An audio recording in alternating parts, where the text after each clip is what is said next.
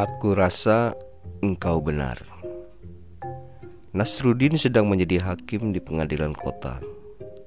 Mula-mula ia mendengarkan dakwaan yang berapi-api dengan fakta yang tak tersangkalkan dari jaksa. Setelah jaksa selesai dengan dakwaannya, Nasrudin berkomentar, "Aku rasa engkau benar." Petugas majelis membujuk Nasrudin, mengingatkan bahwa terdakwa belum membela diri.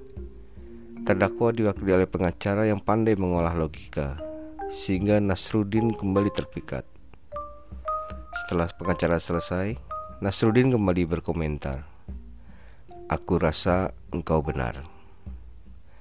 Petugas mengingatkan Nasrudin bahwa tidak mungkin jaksa betul Dan sekaligus pengacara juga betul. Harus ada salah satu yang salah.